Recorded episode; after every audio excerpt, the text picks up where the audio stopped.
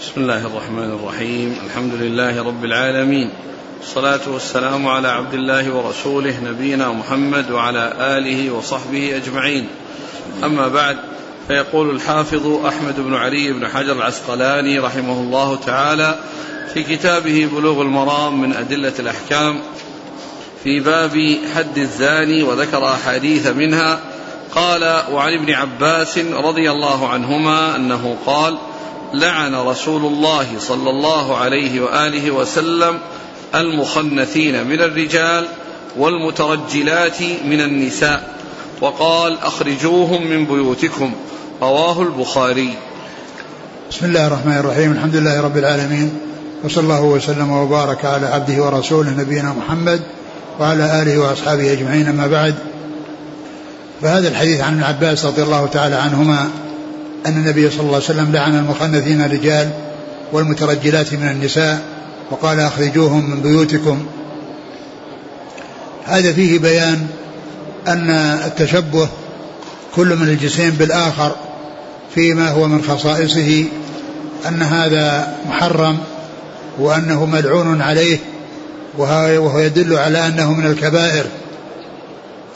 والمخنثون الرجال هم المتشبهون في النساء يعني في حركاتهن وأصواتهن وغير ذلك. وهذا إذا كان آه إذا كان عن تكلف وعن محاولة لهذا الشيء ولا شك أن هذا هو الذي يتوجه إليه اللعن.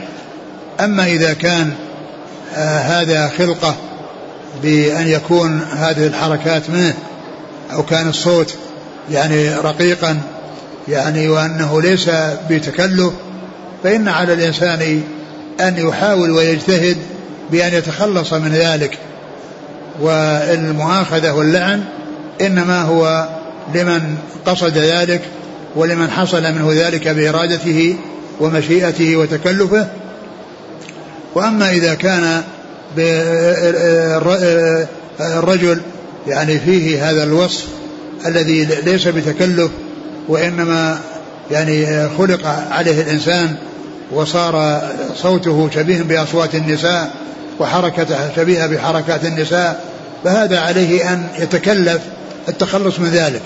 عليه أن يتكلف التخلص من ذلك. ويقابل ذلك أيضا تشبه النساء بالرجال.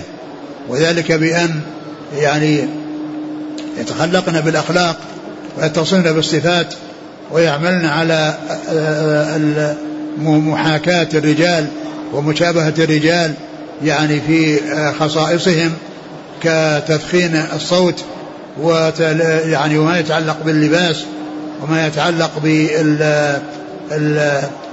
بالتوسع يعني في يعني في هذا الأمر.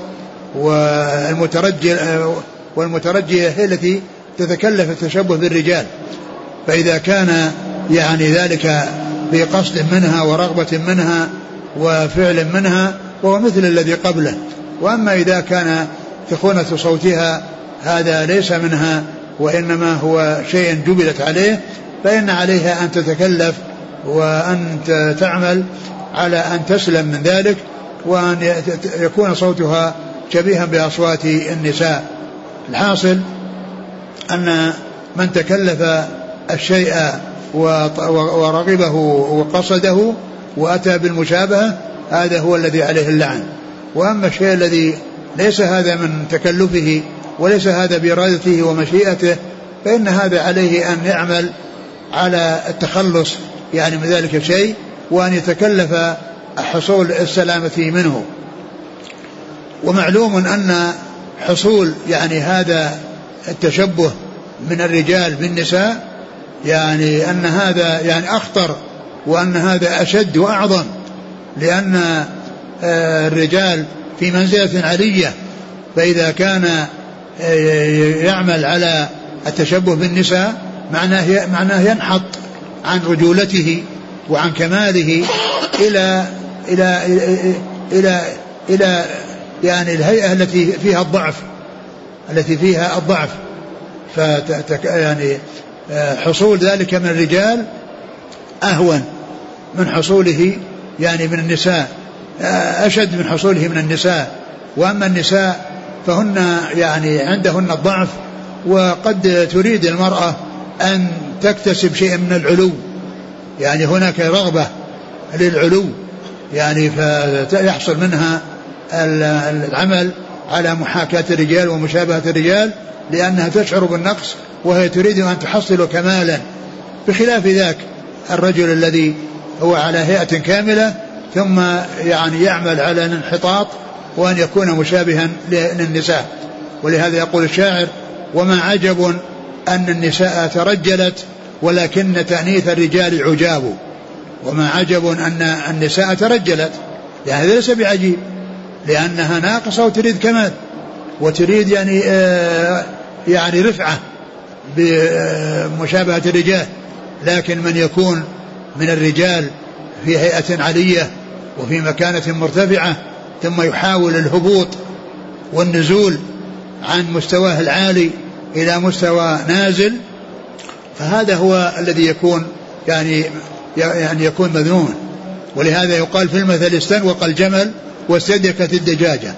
استنوق الجمل يعني الجمل صار ناقة وهبط إلى كان من جملة النوق اللي هي الإناث. والدجاجة استديكت يعني أنها حاولت وعملت على أن تكون مثل الديك أن تكون مشابهة للديك فالمرأة تطلب علوا يعني ولكنه كعلو الدخان. الذي يقول الشاعر يقول ولا تكو كالدخان يعلو إلى صفحات الجو وهو وضيع ولا كالدخان فعلوها مثل علو الدخان. الدخان إذا علا فهو وضيع وإن علا لأنه سينزل.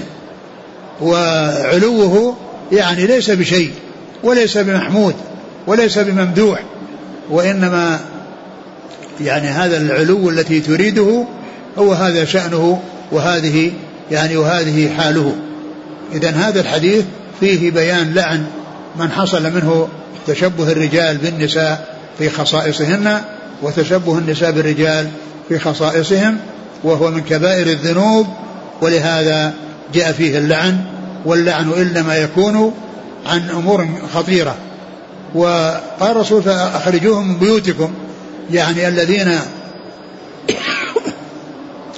يتصفون بصفات النساء يعني أنهم يعني لا يمكنون من الدخول في البيوت وأنه يتساهل في أمرهم لحصول الضعف الذي فيهم ومشابهتهم للنساء وأنهم يعني يتصفون بصفات النساء يعني لا يتهاون في أمرهم بل يخرجون من البيوت ولا يمكنون من الدخول البيوت ولا تمكن النساء من الاختلاط بهم وعدم التهاون في في في, في أمرهم.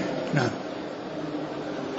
وعن أبي هريرة رضي الله عنه أنه قال قال رسول الله صلى الله عليه وآله وسلم ادفعوا الحدود ما وجدتم لها مدفعا. أخرجه ابن ماجه وإسناده ضعيف. نعم. وأخرجه الترمذي والحاكم من حديث عائشة رضي الله عنها بلفظ ادرأوا الحدود عن المسلمين ما استطعتم. وهو ضعيف أيضا. ورواه البيهقي عن علي رضي الله عنه من قوله بلفظ ادرأوا الحدود بالشبهات ثم ذكر هذا يعني هذا هذين الحديثين وهذا الأثر يعني فيما يتعلق بدر الحدود بالشبهات. يعني أنه إذا وجد شبهه شبهة يعني تمنع من إقامة الحد فإنه لا يقام. فإنه لا يقام وإنما يقام الحد إذا وجد شيء يوجب الحد وتحقق معه الحد. أما إذا كان فيه شبهة فإنه لا يصار إلى ذلك. والحديثان ضعيفان والحديث اللي ورد في ذلك ضعيفة وقد جاء فيه آثار عن الصحابة ولكن العمل به يعني العلماء يعملون به. العلماء يعملون به وذلك ويدل يعني عليه بعض الأدلة الدالة على ذلك من غير التنصيص على هذا. ومن ذلك ما جاء عن الرسول صلى الله عليه وسلم أنه لما جاءه يعني ماعز وقال إنه زنى قال لعلك لمست لعلك قبلت لعلك غمزت. فهذا يعني فيه إشارة إلى أنه قد يعني يظن ما ليس بزنا زنا. ف ومعلوم أنه لو قال إنه غمز أو أنه قبل يعني درع عنه الحد لأنه ما ثبت عليه الزنا. فقول الرسول لعلك قبلت لعلك غمزت هذا يفيد أو يدل على هذا المعنى أو هذا القاعدة وهي قاعدة معروفة عند العلماء والعلماء يأخذون بها يأخذون بهذه القاعدة ولكن الأحاديث التي وردت فيها غير صحيحة ولكن معناها صحيح. ولا يقام الحد إلا بيقين وأن يتحقق من ذلك وأنه إذا وجد شبهة شبهة تمنع بأن تقول مثلا امرأة يعني وجدت حامل من الزنا فقالت إنها أكرهة وأنها مجبرة يعني على ذلك فإنه يؤخذ بقولها. ما دام أنه لم يحصل يعني شهود يشهدون يعني بحصول ذلك وأنها مطاوعة ويعني فمعنى ذلك أن الحدود تدرى بالشبهات وهذه قاعدة من القواعد الفقهية التي أخذ بها العلماء وقد جاء عن بعض الصحابة وقد جاء عن بعض الصحابة ذلك والفقهاء أخذوا بذلك والأحاديث وإن لم تصح فإن معناها فإن هذه قاعدة صحيحة ولا يعني وتدرى الحدود بالشبهات. فإذا وجد شبهة يعني تمنع من إقامة الحد فإنه لا يقام الحد. مثل دعوى الإكراه فإن هذه شبهة. يعني إذا حصل من المرأة يعني شيء أو حصل من الرجل شيء وادعى يعني الإكراه فإن فإن دعوة فإن الدعوة تقبل. نعم أعد الحديث الحديثين عن أبي هريرة رضي الله عنه قال صلى الله عليه وسلم ادفعوا الحدود ما وجدتم لها مدفعا. نعم. أخرجه ابن ماجه وإسناده ضعيف وأخرجه الترمذي والحاكم من حديث عائشة بلفظ ادرأوا الحدود عن المسلمين ما استطعتم. وهو ضعيف أيضا ورواه البيهقي عن علي رضي الله عنه من قوله بلفظ ادرأوا الحدود بالشبهات. نعم. وعن ابن عمر رضي الله عنهما قال قال رسول الله صلى الله عليه وآله وسلم اجتنبوا هذه القاذورات التي نهى الله عنها فمن ألم بها فليستتر بستر الله وليتب إلى الله تعالى فإنه من يبدي لنا صفحته نقم عليه كتاب الله عز وجل. رواه الحاكم وهو في الموطأ من مرسل زيد بن أسلم. ثم ذكر هذا الحديث عن النبي صلى الله عليه وسلم قال اجتنبوا القاذورات هذه القاذورات والمقصود بها المعاصي التي منها يعني هذا هذه الأمور القبيحة التي هي يعني عليها حدود مثل الزنا وشرب الخمر وغيرها فإن هذه من القاذورات. هذه من الأمور القذرة الأمور الوسخة التي لا يقدم عليها أحد لا يقدم عليها أحد. يخاف الله عز وجل وإنما يقدم عليها الإنسان بشهوة وبغفلة عن عن عن عقاب الله عز وجل وميل إلى ما تشتهي النفوس. ولهذا قال عليه الصلاة والسلام حفت الجنة بالمكاره وحفت النار بالشهوات. وحفت النار بالشهوات. فالقاذورات التي توصل إلى النار والتي تؤدي إلى النار هذه وصفها رسول الله صلى الله عليه وسلم بأنها قاذورات. ومعنى ذلك أن الإنسان عليه أن يبتعد يعني من هذه الأمور المحرمة وأن من حصل منه ذلك فإنه يستتر بستر الله ولا ويتوب إلى الله يعني بينه وبين ربه ويندم على ما مضى ويحرص على ويعقد العزم على ألا يعود ويعقد العزم على ألا يعود. و وأن الأولى لمن وقع في ذلك أن يستتر بستر الله ولا يلزمه أن يأتي ويخبر ويقول أنا حصل من كذا وإنما يتوب إلى الله عز وجل فيما بينه وبين الله. قال فإنه من يبدي لنا يعني صفحته يعني من يبدي أمره ويظهر نفسه ويخبر بأنه حصل منه ما يستحق الحد فإنه يقام عليه الحد. ولكن هذا فيه الإشارة إلى أن الإنسان يتوب فيما بينه وبين الله. يتوب فيما بينه ومن تاب تاب الله عليه. نعم. قال رحمه الله تعالى باب حد القذف. عن عائشة رضي الله عنها أنها قالت لما نزل عذري قام رسول الله صلى الله عليه وسلم على المنبر فذكر ذلك وتلا القرآن فلما نزل أمر برجلين وامرأة فضربوا الحد. أخرجه أحمد والأربعة وأشار إليه البخاري. ثم ذكر بعد ذلك حد القذف. لما ذكر الزنا ذكر حد القذف بالزنا. لأن القذف يكون بالزنا. فبعد ذكر فاحشة الزنا وبيان عقوبتها ذكر بعد ذلك القذف. وبيان حده وبيان حده. والقذف هو أن يعني يصف أو يعني يلحق يعني وصفا بإنسان بأنه زنى. فإن هذا قذف وهذا القذف إذا طالب المقذوف بأنه يقام عليه حد القذف فعليه أنه يأتي إما بشهود يشهدون بصدق ما قاله وعند ذلك يعني يبرأ إذا وجد الشهود الأربعة الذين يشهدون أنه حصل منه الزنا. أما مجرد يعني كونه يقذف إنسان ويقول له يا زاني أو أنت زنيت وهو يعني لم يكن هناك عليه بينة فإنه فإنه يجلد ثمانين جلدة. حد القذف ثمانين جلدة. يعني يجلدها يعني هذا القاذف إذا طالب المقذوف بحقه وإقامة الحد على من قذفه. والرسول عليه الصلاة والسلام ذكر وذكر هذا الحديث عن عائشة في قصة الإفك وما حصل يعني فيها من الضيق والمشقة والتعب والنصب لرسول الله صلى الله عليه وسلم ولعائشة ولأهل ولأبويها ولأهل بيتها وكذلك للمسلمين فإن الرسول عليه السلام تألم من ذلك ويعني واعتزلها وجعلها تذهب إلى أهلها وبعد ذلك نزلت براءتها من الله عز وجل بآيات تتلى في سورة النور.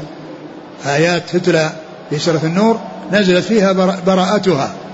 يعني فمن قذفها ومن زعم أن قذفها بعد أن برأها الله فإنه يكون كافرا. لأنه يعني لأنه يكون بعد ذلك مكذب للقرآن ويعني وأتى بشيء يخالف ما جاء في القرآن.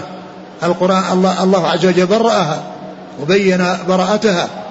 والرسول عليه السلام كان في ضيق وفي ألم من هذا الكلام الذي قيل في زوجته أم المؤمنين رضي الله تعالى عنها وأرضاها. والرسول صلى الله عليه وسلم يعني هذه القصة قصة الإفك من أوضح الأدلة على أن الرسول صلى الله عليه وسلم لا يعلم الغيب. لأنه لو كان يعلم الغيب بمجرد أن قالوا له إن إنها زنت يقول أنا أعلم أنها ما زنت لأن أنا أعلم الغيب. الرسول ما قال هذا. الرسول تألم ولا يدري في الحقيقة. حتى جاء البيان من الله عز وجل وأنها سليمة وأن هذا إفك وأنه إفك مبين وكذب عليها رضي الله تعالى عنها وأرضاها. فقصة الإفك من الأدلة الأدلة الواضحة على أن الرسول صلى الله عليه وسلم لا يعلم الغيوب وأنه لا يطلع من الغيب إلا على ما أطلعه الله عليه. وهو لم يعلم حقيقة الأمر في شأن عائشة رضي الله عنها إلا بعد ما نزل الوحي. بعد ما نزل الوحي يعني عرف أن أن هذا الذي ألصق بها أنه يعني ليس يعني أنه أنه باطل وأنها سليمة مما رميت به من الإفك رضي الله عنها وأرضاها قال لما لما قالت رضي الله عنها لما نزل عذري قام رسول الله صلى الله عليه وسلم على المنبر فذكر ذلك وتلا القرآن. فلما نزل أمر برجلين وامرأة فضربوا الحد.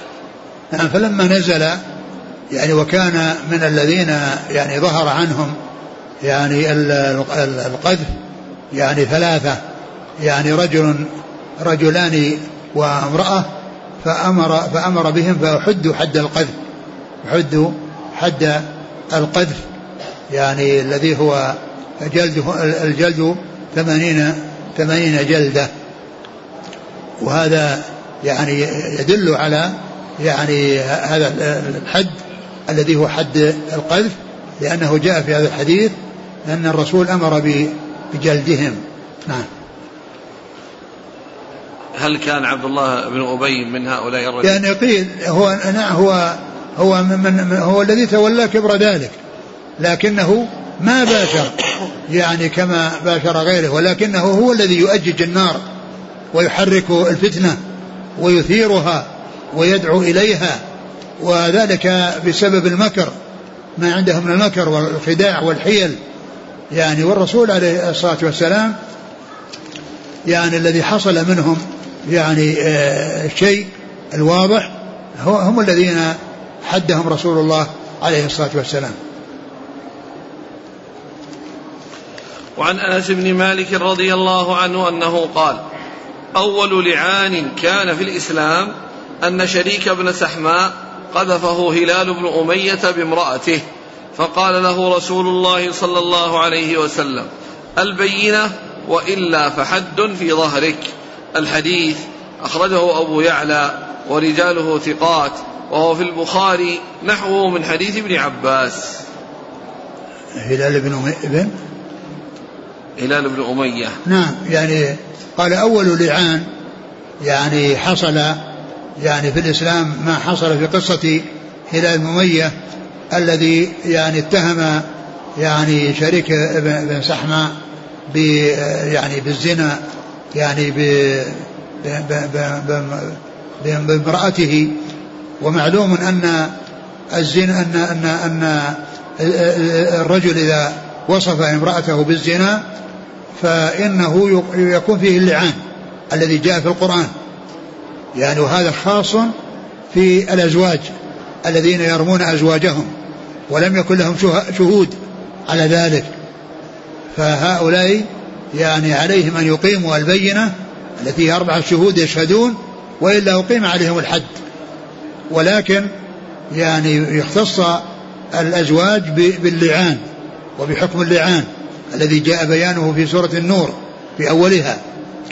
وذلك أن يشهد يعني الزوج أربع شهادات بالله إنه لمن الصادقين الخامسة أن أن لعنة الله إن كان من الكاذبين. ثم بعد ذلك يوجه إلى الأمر ويدرى عنها العذاب الذي هو الحد بأن تشهد أربع شهادات بالله إنه من الكاذبين والخامسة أن غضب الله عليها إن كان من الصادقين. فهذا حكم يخص الأزواج إذا رموا زوجاتهم. وأما إذا حصل الرمي من أجنبي يعني من رجل لغير زوجته أو امرأة لغير يعني امرأة من الناس لامرأة فإن إنه إذا لم يحصل إقامة الحد إقامة البينة وهي أربعة شهود يشهدون بحصول الزنا وإلا فإنه يقام الحد على القاذف الذي قذف بالزنا. نعم.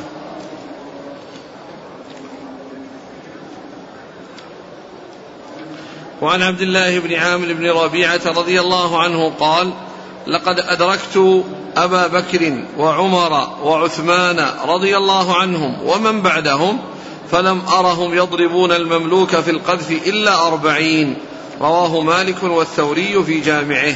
ثم ذكر هذا الحديث الذي يتعلق بحد المماليك في القذف.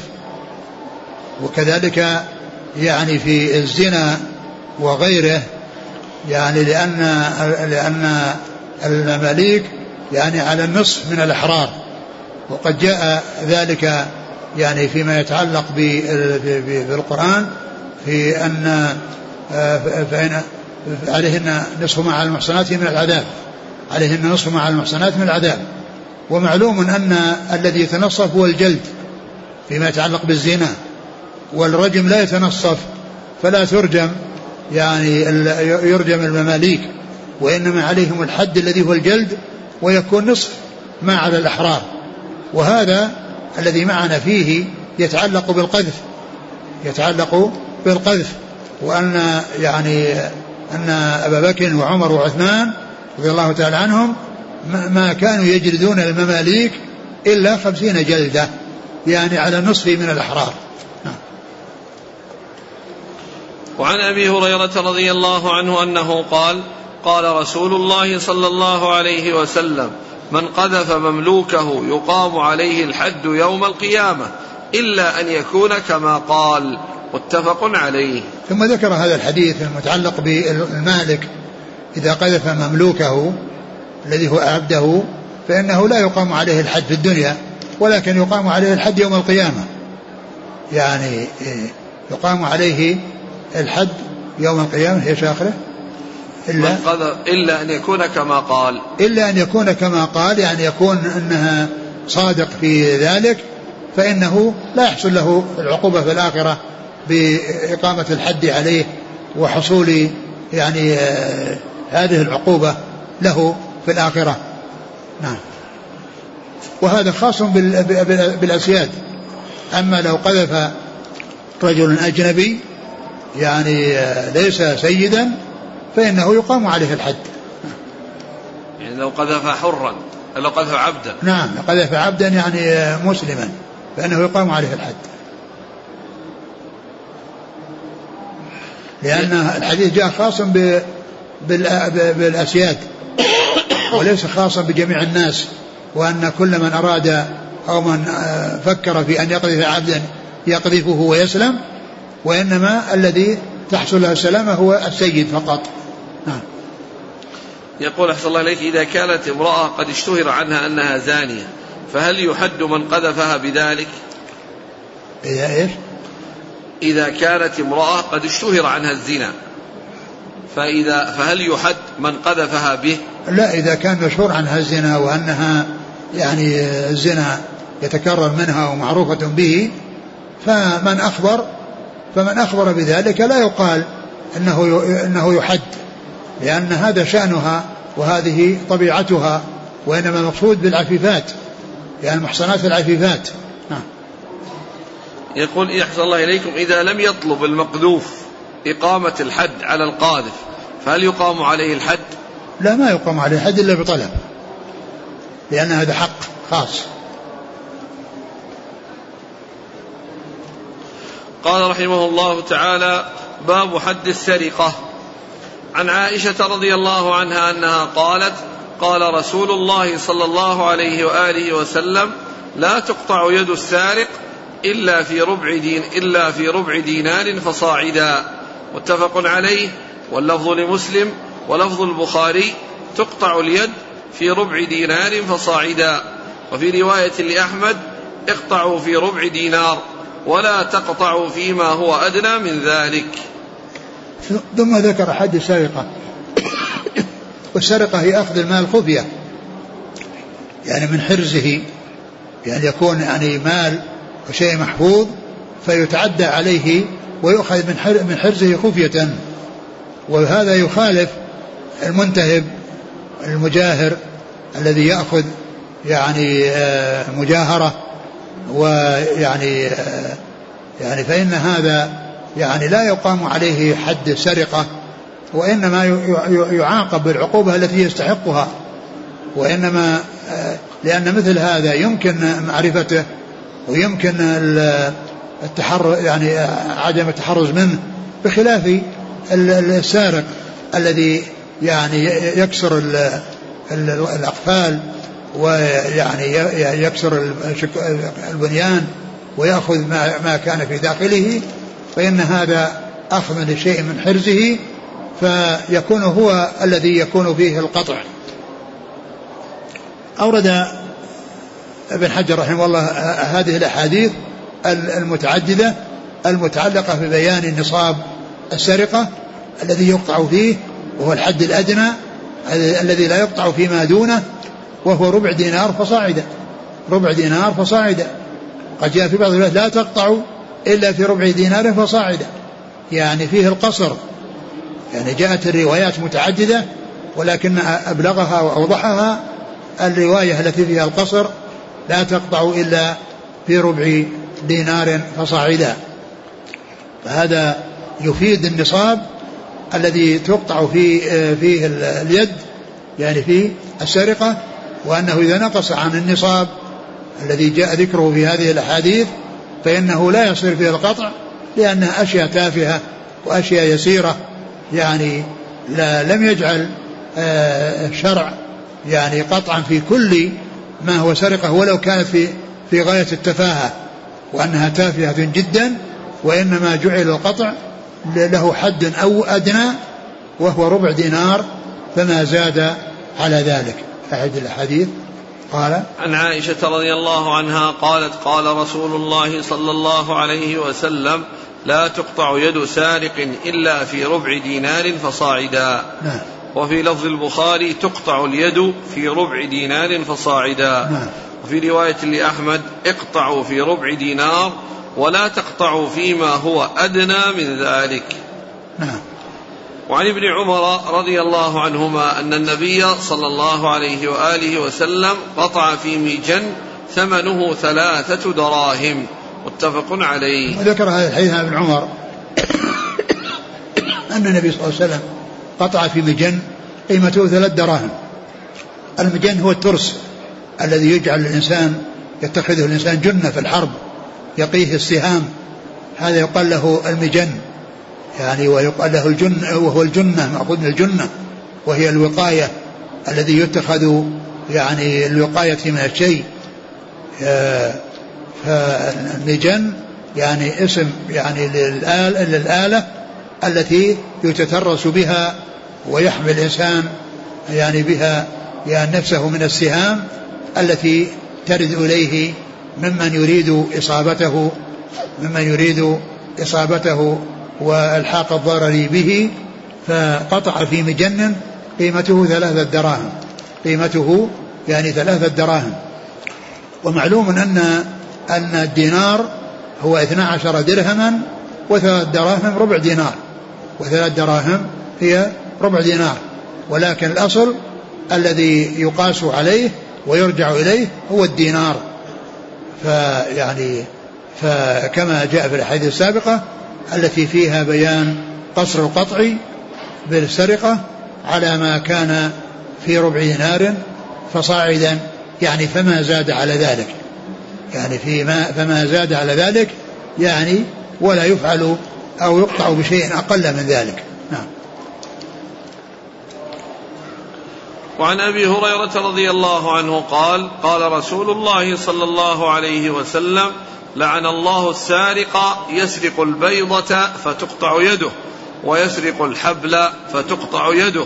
متفق عليه أيضا. ثم ذكر هذا الحديث الذي يعني يدل على على أنه من الكبائر وأن السارق يعني يعرض نفسه لأن تقطع يده وبشيء يعني بسبب شيء يسرقه. وقال لعن الله السارق يسرق البيضة. معلوم أن البيضة أنها رخيصة. وأنها يعني قليلة جدا ولكن المقصود من ذلك ما يؤول إليه الأمر لأن من سرق البيضة تجرأ على أن يسرق ما هو أكبر منها لكن البيضة بمفردها وهي بيضة الدجاجة أو بيضة يعني هذا لا لا يقطع بها لأنها رخيصة. ومن العلماء من قال أن البيضة أنها البيضة التي تتخذ من الدروع التي تكون على الرأس وتكون قيمتها عالية والحبل قالوا أن حبل السفن الحبل المتين. ومعلوم أن أن أن لفظ الحديث وصيغة الحديث بيان يعني أن هذا أمر هين وأنه شيء تافه ولكنه لا يصير به القطع ولكنه يؤدي إلى القطع. لأن من تهاون في سرقة القليل يعني تجرأ على على سرقة الكثير الذي أقله أن يكون ربع دينارا فصاعدا. فإذا قوله هذا ليس معنى ذلك أن البيضة يقطع بها وأن تقطع بسرقة البيضة الواحدة وكذلك الحبل العادي أو الحبال العادية الرخيصة التافهة التي الإنسان لو وجدها فإنه يأخذها ولا ولا ينشدها. إذا وجد الإنسان صوت أو وجد العصا أو وجد له يعني حبل يعني يأخذه ولا ولا ينشد هذه الضالة لأنها تافهة لأن هذه من الأمور التافهة. فإذا الذي جاء في الحديث إنما هو ذكر شيء تافه لا لأنه يقطع به ولكن لأن من أقدم عليه تجرأ إلى ما هو فوقه. نعم. قال وعن عائشة رضي الله عنها أن رسول الله صلى الله عليه وسلم قال أتشفع في حد من حدود الله؟ ثم قام فاختطب فقال أيها الناس إنما هلك الذين من قبلكم أنهم كانوا إذا سرق فيهم الشريف تركوه وإذا سرق فيهم الضعيف أقاموا عليه الحد. متفق عليه واللفظ لمسلم. وله من وجه آخر عن عائشة كانت امرأة تستعير المتاع وتجحده فأمر النبي صلى الله عليه وسلم بقطع يدها. ثم ذكر هذا الحديث الذي فيه الشفاعة في حد السرقة وفي لفظ آخر أن المرأة التي يراد الشفاعة فيها أنها كانت تسرق أنها كانت تجحد المتاع تستعير المتاع ثم تجحده وتنكر أنها استعارت. والحديثان كلهما يتعلقان بامرأة مخزومية. كل منهما يتعلق بامرأة مخزومية اتصفت بكونها تسرق وبكونها تجحد المتاع. ولكن الحكم إنما هو من أجل السرقة لا, لا من أجل جهد جحد المتاع لأنها متصفة بصفتين ذميمتين والحكم منوط يعني في حال السرقة وهي قصة واحدة وهي امرأة واحدة. جاء وصفها أنها مخزومية في كل من الحديثين. وجاء وصفها بأنها تسرق وجاء وصفها بأنها تجحد فإذا الحكم منوط في السرقة.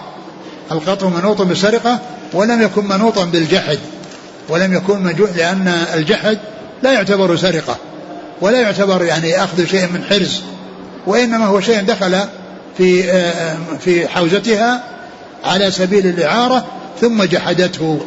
ولكن الحكم هو فيما يتعلق بالسرقة ولهذا في آه، يعني جاء أنها النص عليها أنها سارقة بل, بل, بل جاء النبي صلى الله عليه وسلم في آخر الحديث أنه قال لو أن فاطمة بنت محمد سرقت لقطعت يدها. يعني معناها أن هذه مخزومية قطعت يدها بالسرقة وأنها أن الحد يقام على كل أحد فلا يكون لوضيع دون شريف وإنما يكون للشريف والوضيع. ولهذا قال عليه الصلاة والسلام لو أن فاطمة بنت محمد سرقت لقطعت يدها.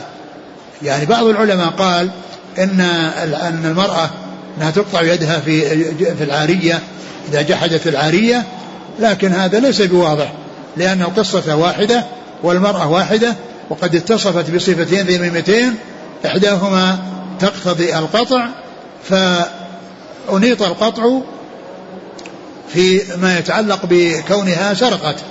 لا, لا بكونها جحدت.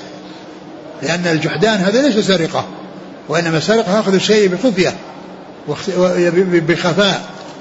فعلى هذا يعني الحديثان يعني لا يقال إنهما قصتان وإنما هي قصة واحدة ويتعلقان بامرأة واحدة متصفة بصفتين ذميمتين والقطع بالسرقة إنما يكون للصفه الأولى التي هي السرقة. نعم.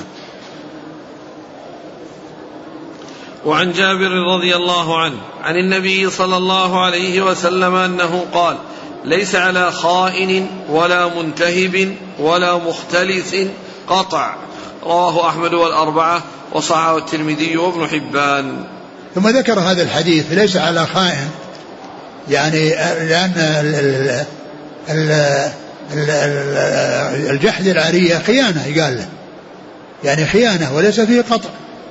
يعني جحد العارية ليس على خائن ولا على ليس على خائن, خائن ولا منتهب. ولا منتهب. الذي أخذ يعني علانية بأن أخذ من الإنسان انتهب منه يعني آه يعني معه شيء يحمله فجاء أحد وانتهبه منه. هذا ما يقال سرقة.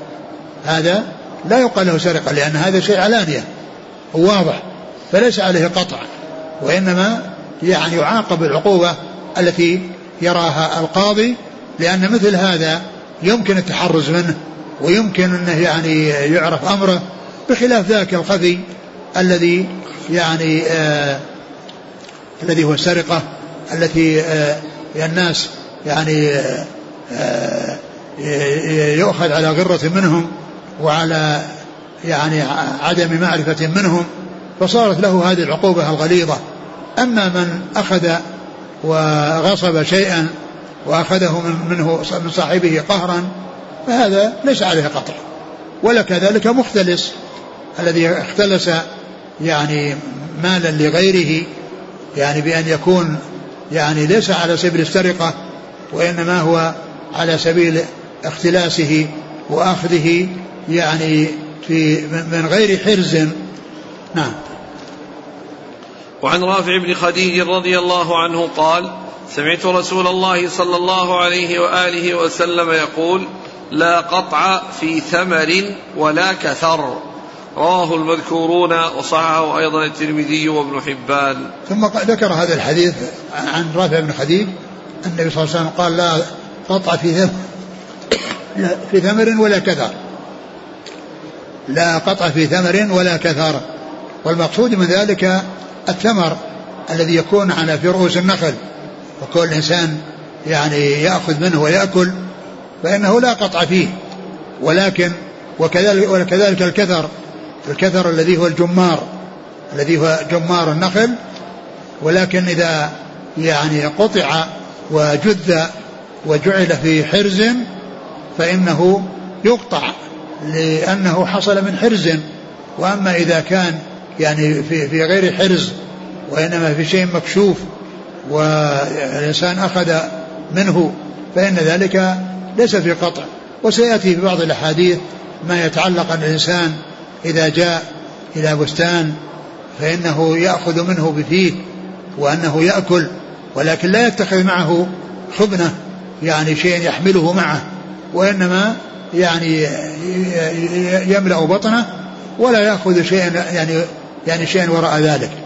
فإذا لا قطع في ثمر ولا كثر ولكن إذا كان في في حرز سواء كان يعني يابسا أو رطبا فإنه يعني يكون فيه القطع لأنه أخذ شيئا من حرزه.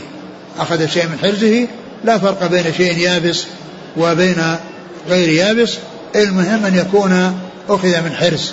أما إذا أخذ من غير حرز فإنه لا قطع فيه. والله تعالى أعلم وصلى الله وسلم وبارك على عبده ورسوله نبينا محمد وعلى آله وأصحابه أجمعين. جزاكم الله خيرا وبارك الله فيكم ألهمكم الله الصواب ووفقكم للحق شافاكم الله وعافاكم ونفعنا الله بما سمعنا وغفر الله لنا ولكم وللمسلمين أجمعين آمين. يقول أحسن الله إليكم ذكرتم بالأمس بأن قتل النفس بأن قاتل نفسه يصلي عليه لكن العلماء والسلطان لا يصلي عليه. هل هذا بعض العلماء نعم. مو لازم كل العلماء نعم. هل هذا ينطبق على تارك الصلاة أيضا؟ تارك الصلاة لا يصلى عليه. تارك الصلاة لا يصلى عليه لأنه كافر. يقول أحسن الله إليكم هل يدخل في اللعن المخنثين والمترجلات التمثيليات بحيث يمثل الرجل دور المرأة ويتشبه بها وكذلك تمثل المرأة دور الرجل وتتشبه به؟ وهذا كثير في الأفلام والمسرحيات. والله يعني لا ليس بعيد أن يدخل لأن هذا تشبه ومحاولة يعني المرأة أن تكون تتشبه بالرجال والرجال يتشبهون بالنساء والتشبيه والتمثيل في حق ذاته هو محرم غير سائغ لأنه كذب لأنه يعني هو مبني على كذب والمقصود منه في الغالب الإضحاك يعني يكون يعني الناس يضحكون لأنه ما يقصد به في الغالب إلا هذا الأمر. نعم. يقول إذا رمى أحد الناس آخر بأنه بالبدعة فقال عنه بأنه مبتدع. ثم تبين بعد ذلك خلاف ذلك. هل له أن يرفع أمره إلى الحاكم؟ أعد. إذا رمى أحد الناس شخصا بأنه مبتدع. ثم تبين بعد ذلك خلاف ذلك. فهل لمن رمي أن يرفع الأمر إلى الحاكم؟ إذا عفا فأحسن من الرفع.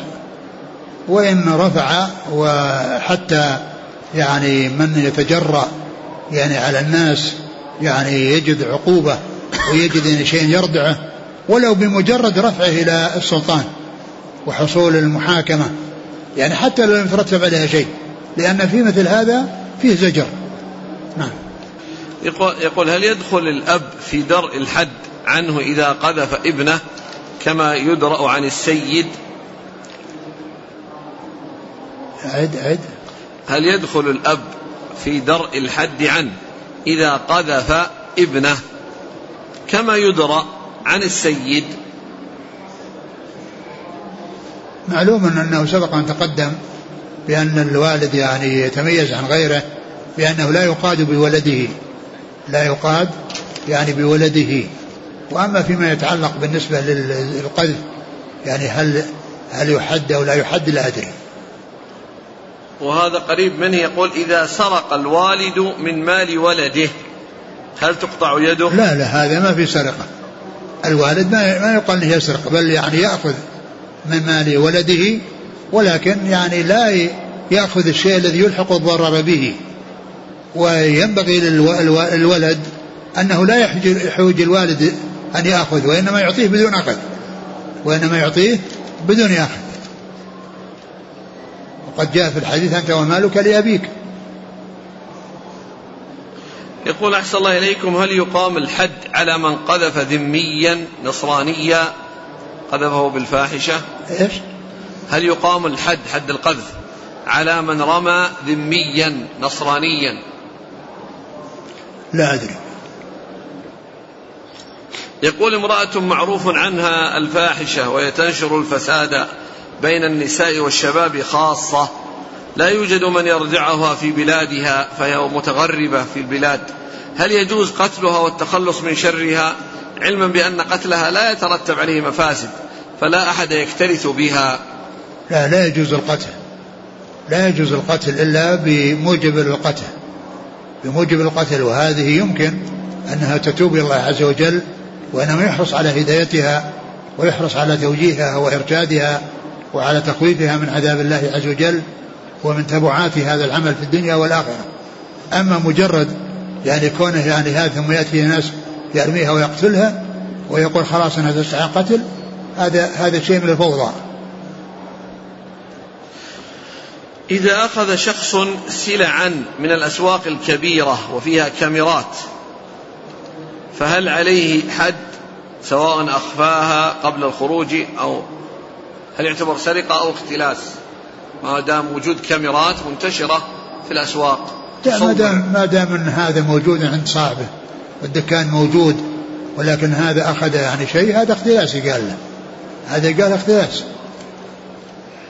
لأنه ما ما أخذ من حرز هذا يعني موجود صاحبه وهو مثل الذي أخذ من يده اللي هو الانتهاب. يقول طبيب يعمل بوحدة صحية. طلب منه المدير أن ينقله إلى وحدة أخرى في منطقة نائية. وأخبره بأن أعد السؤال. طبيب يعمل في وحدة صحية. نعم. طلب منه مديره أن ينقله إلى وحدة أخرى نائية في منطقة منه نائية طلب منه مديره أن ينقله؟ اي نعم. يطلب منه ولا ينقله؟ لا قال له إيش رأيك نوديك؟ المدير ينقله؟ لا له بيعرض عليه عرض. أيوه نعم. بيعرض عليه عرض. أيوه. أن ينقله إلى وحدة في منطقة نائية وأنه قال لن تعمل إلا يومين في الأسبوع. فهل يجوز له ذلك؟ لا ما يجوز لأن العمل لأن الإنسان يجلس المدة المحددة والتي هي مفروضة عليه ولا يترك منها شيئا. يعني ما يقال أنه يحضر يومين ثم يغيب وإنما يكون موجودا يعني إذا حصل يعني شيء يتعلق بمهمته فإنه يؤدي يعني ذلك الواجب عليه. ف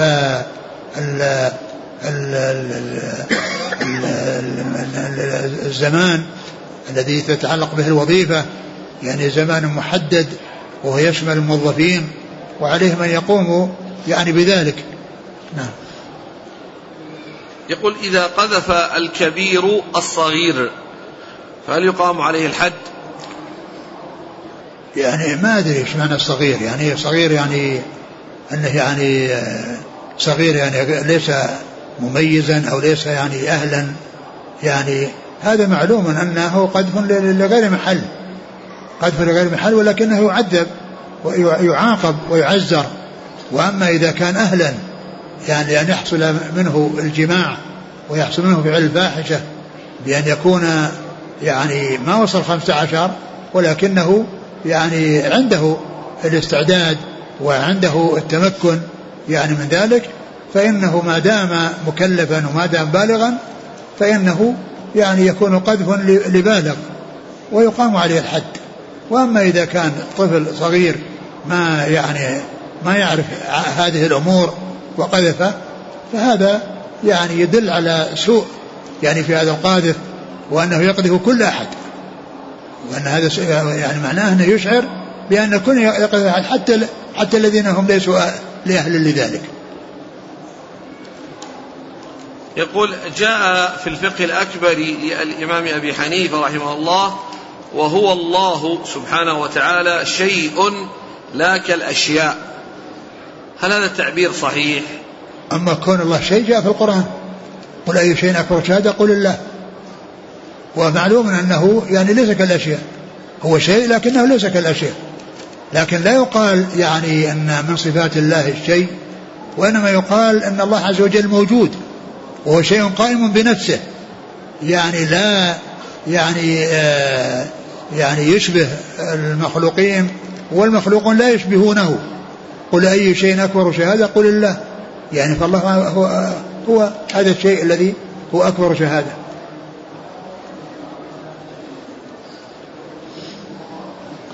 يقول آه، ما حكم القول بأن الإيمان يزيد وينقص من جهة اليقين والتصديق؟ أما من جهة المؤمن فهو لا يزيد ولا ينقص أو من جهة المؤمن بها. الذي في القلب يزيد وينقص. يعني حتى ما يقع في القلب. يعني مو في العمل. يعني حتى ما يقع في القلوب يتفاوت الناس فيه. بل الإنسان نفسه يتفاوت بين حال وحال. يعني في بعض الأحوال التي يعني يوعظ فيها ويذكر ويحضر دروس يعني هذه آه، يعني ما يقوم بقلبه يختلف عما إذا كان في وقت آخر ساهيا لاهيا. يقول ما حكم وضع الميش على الشعر؟ شعر المرأة. الميش؟ إيه. أو التمييش. أنا ما أدري لكن الشيء اللي يتجمل به النساء وليس بمحرم وليس بممنوع ما في بأس. يوضع على الشعر ويوضع على الوجه. الشيء الذي يعني يعتبر من الجمال له فما في بأس. إذا لم يكن هناك فيه يعني مادة محرمة لا يجوز استعمالها. ما حكم تغطية المحرم لجرح في فخذه؟ أو وضع كم ضمادات على مكان الألم؟ وإبقاء ذلك أثناء الإحرام. ما في بأس. يعني كونه يصير يعني على فخذه في جرح يعطى عليه لصقة أو يكون يعني ركبته يعني هذا يحط عليها ضغاط محيط بها ما في بأس. وإنما الممنوع إذا حصل جرح في الساق أو في أو في الركبة أو في الفخذ ووضع الإنسان عليه شيئا لصاق يلصق عليه أو عمل شيئا يعني يحيط بال يعني يستدير على الفخذ أو يستدير على الركبة أو يستدير على الساق لا بأس بذلك. لأن هذا من جنس الساعة لتكون في اليد ومن جنس الخاتم الذي يكون في الإصبع ومن جنس محفظة النقود التي تكون في البطن وغير ذلك. مثل هذا لا بأس به. وإنما الممنوع أن يغطي رجليه أو يغطي يديه أو يغطي رأسه ووجهه. هذا هو الذي لا يجوز. وإن احتاج إليه فإنه يفعل ولكنه يأتي بالفدية التي هي التخيير بين أمور ثلاثة وهي صيام ذبح شاة أو إطعام ستة مساكين لكل مسكين نصف صاع أو صيام ثلاثة أيام. أما مثل هذا المسؤول عنه وهو كونه يعني يوضع يعني شيء على الفخذ أو على الساق أو على الركبة ولو كان مستديرا ولو كان محيطا يعني مستديرا على الساق لا بأس بذلك.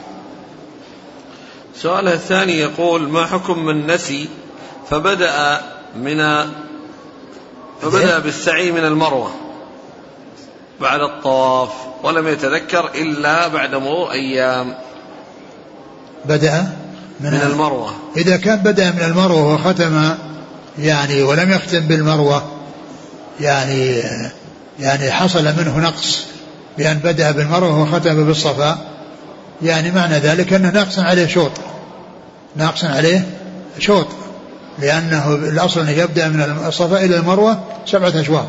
فإن بدأ بالمروة ولكنه يعني أتى بثمانية ولم يعتبر هذا الذي حصلت البداءة به فإن ذلك يصح لأن هذا لاغي. والأشياء المشروعة السبعة التي تبدأ بالصفا وتختم بالمروة. فإذا كان الإنسان ما حصل منه وأنه يعني يعني إنما حصل منه يعني سعي ستة أشواط ويعني ولم يكن يعني وقد مضى على ذلك وقت فإن السعي لم يوجد منه وعليه أن يرجع ويأتي بالسعي كاملا. يأتي بالسعي كله ما يأتي بالشوط الذي الباقي عليه. يعيد السعي كله. سؤالها الأخير يقول هل يجوز لمس الزوجة من غير شهوة وأنا محرم. يجوز. أقول لمس الزوجة يعني إذا كان يعني ليس يعني تلذذا أو مجرد شهوة لا بأس لا بأس بذلك كونه يعني يمسك يدها يعني ولكنه يعني ما ما أراد يعني بذلك الاستمتاع بها أو التلذذ بمسكها أو غير ذلك ما, ما, ما في بأس ما, ما يؤثر. يقول السائل أنا أعمل في مؤسسة حكومية. هذه المؤسسة تعين الشباب على فتح مشاريع استثمارية للعمل. وهذه المؤسسة تتعامل مع البنوك الربوية.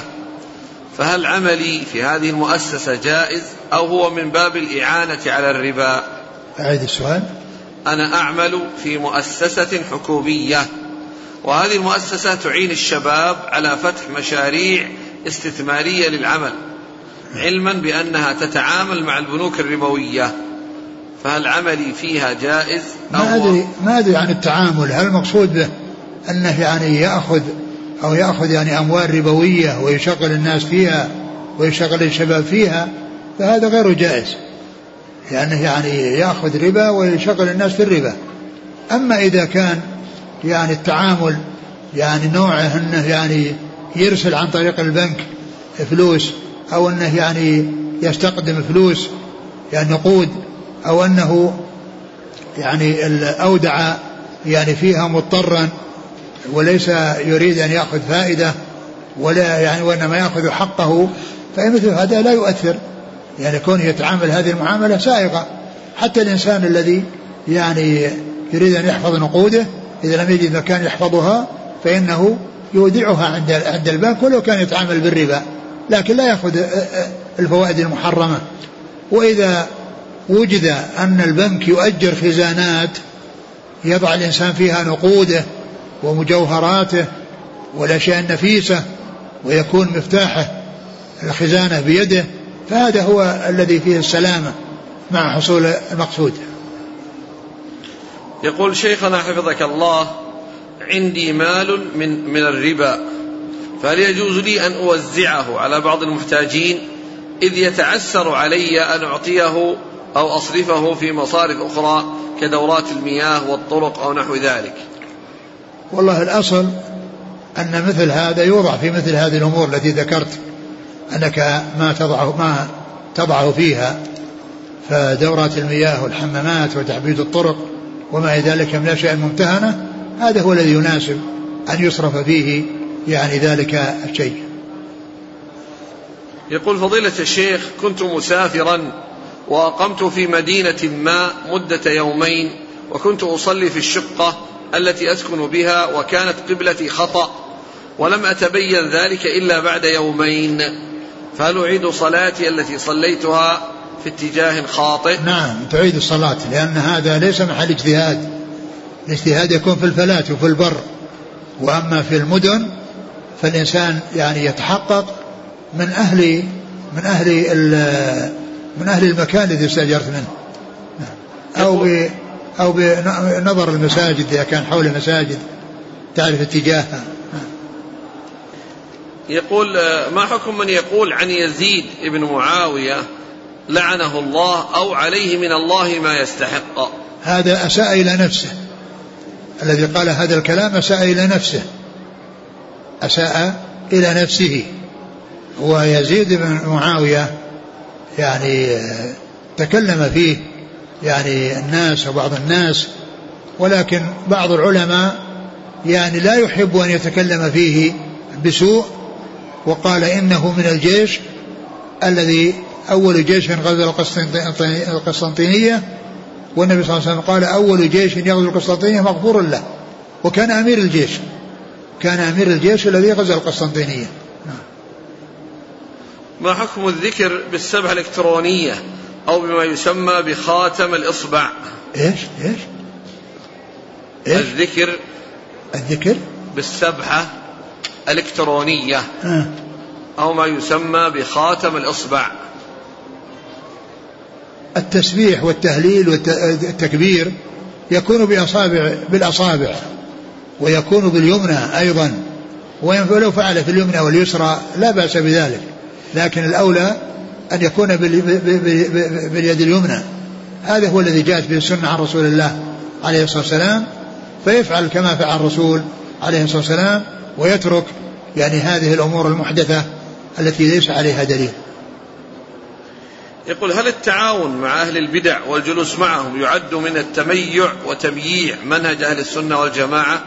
والله لا شك أن من يكون يعني أهل البدع يعني الواضحة بدعهم كون الإنسان يعني يخالطهم ويجالسهم ويعني يعني لا يحصل منه آه، الممازحة معهم وما إلى ذلك لا شك أن هذا تهاون كبير وخطأ يعني عظيم. فالذين هم مشهورون بالبدع كبعض الفرق الضالة الإنسان إذا رآهم يكرههم. ويبغضهم لله عز وجل. فكيف يعني يعني يعني يمازحهم ويضاحكهم ويخالطهم وما إلى ذلك؟ رجل أراد أن يختن ابنته فرفضت الزوجة أراد؟ أن يختن ابنته فرفضت الزوجة. وحق كل أصر على رأيه. حصل من ذلك مشكلة كبيرة. ليس بلازم. أقول ليس بلازم أنه يختنها. يتركها بدون ختان لأنه ليس بواجب. وإنما واجب في حق الرجال. لأن الرجال يترتب على ختانهم السلامة من النجاسة.